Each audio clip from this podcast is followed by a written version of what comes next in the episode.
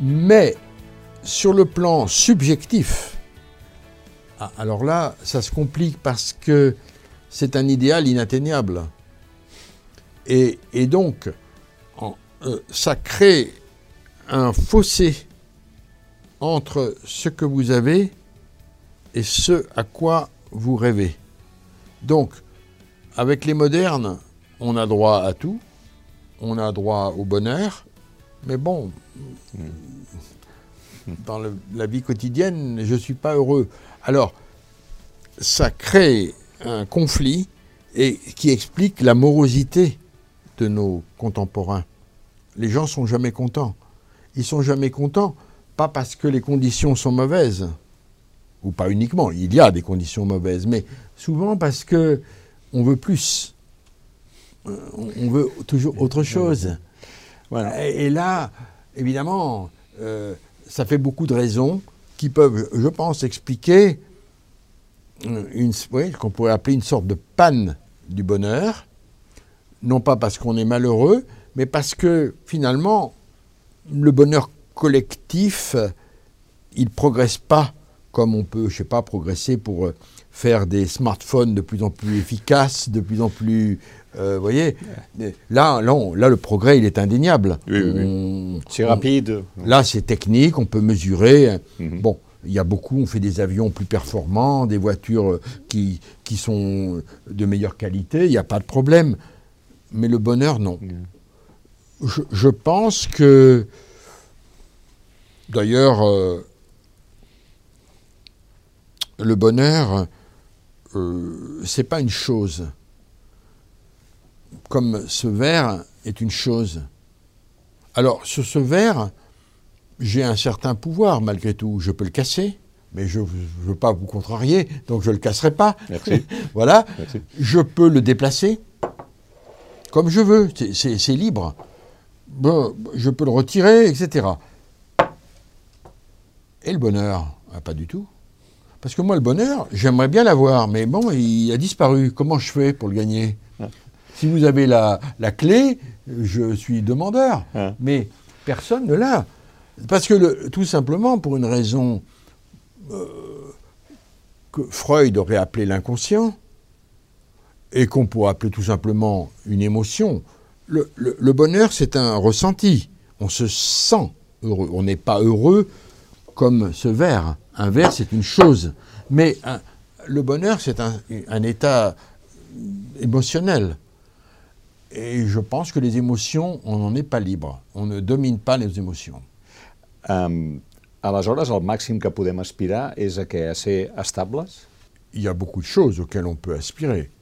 D'abord, la paix. Parce qu'en ce moment, elle est malmenée. La paix. Euh, et dans le monde qui vient, euh, je pense que il faut offrir aux, générations qui viennent euh, des voies multiples pour qu'ils puissent s'épanouir. Parce qu'il ne faut pas rêver. On nous dit qu'on est dans une société de l'intelligence. C'est vrai. Il y a de plus en plus dans la médecine, dans, euh, les hautes technologies, etc. Mais euh, les métiers ne sont pas, loin de là, tous euh, des métiers intelligents. Il y a des tas de métiers dans la finance, etc. Les, gens ne sont pas heureux dans... C'est des travaux répétitifs, des travaux... Hmm. Les gens n'y voient pas le hmm. sens. Euh, ils, font des choses, ils comprennent rien dans ce qu'ils font, ou bien c'est automatisé. Et, d'autre part, euh, on aura toujours besoin de travaux manuels qui ne sont pas forcément très gratifiants. Hmm. Par exemple, je ne sais pas, bon, on n'a pas encore des robots partout pour, je sais pas, nettoyer cette salle. Donc il y, a beaucoup de métiers encore qui ne, Bon, on ne peut pas dire que ce soit euh, le bonheur sur. Alors, et ça ne disparaîtra pas comme ça. Ça ne disparaîtra pas comme ça.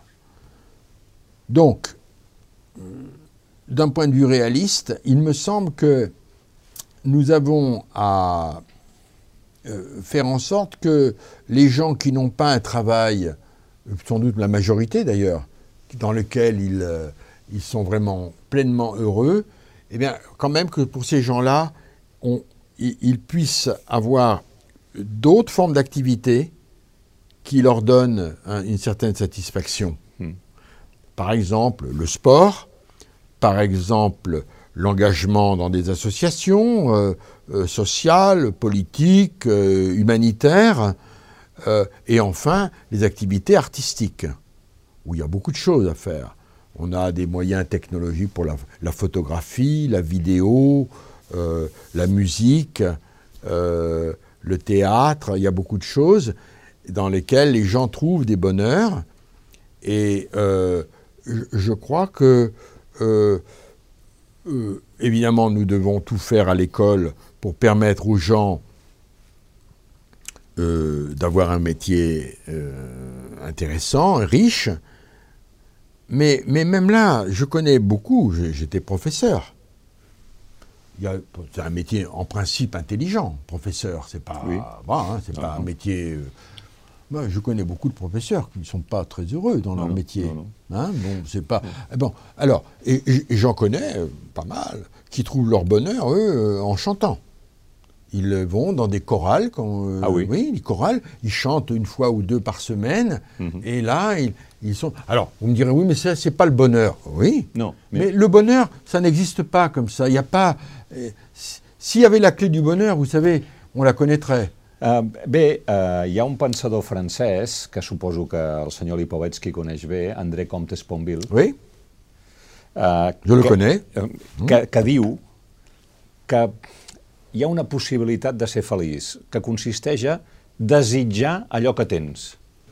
Moi, oui, mais c'est un propos philosophique, si en termes de définition, je, je comprends. Si, si mais... estàs casat, desitja la teva dona. Mais comment vous faites si vous avez la réelle. Si vous avez, non mais, mais, Non, mais là, c'est un genre de, de, de, de proposition qui, qui me paraissent. De, enfin, ça ne répond pas à votre question.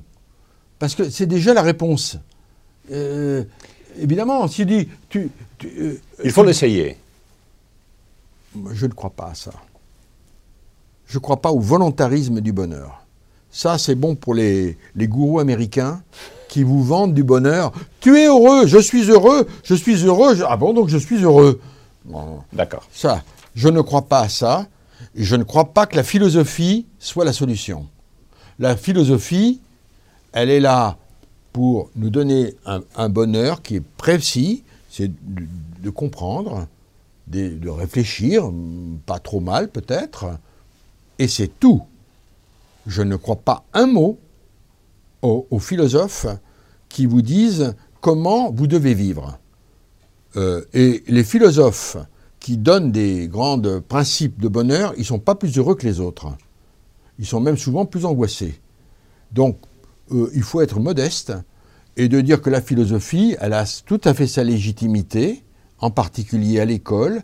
Ça fait réfléchir, ça donne à penser avec de la, de la distance, ça permet de conceptualiser les choses, c'est sans doute nécessaire, c'est une bonne formation de la pensée, ça donne un certain plaisir, le plaisir de comprendre, de, se cultiver, c'est pas négligeable, mais c'est tout. Et lorsque, si votre femme, vous la désirez plus, c'est pas parce que je vais lire Marc Aurel euh, ou Spinoza que je vais la désirer. Parce que dans le lit, c'est autre chose. On ne, fait pas l'amour avec des philosophes.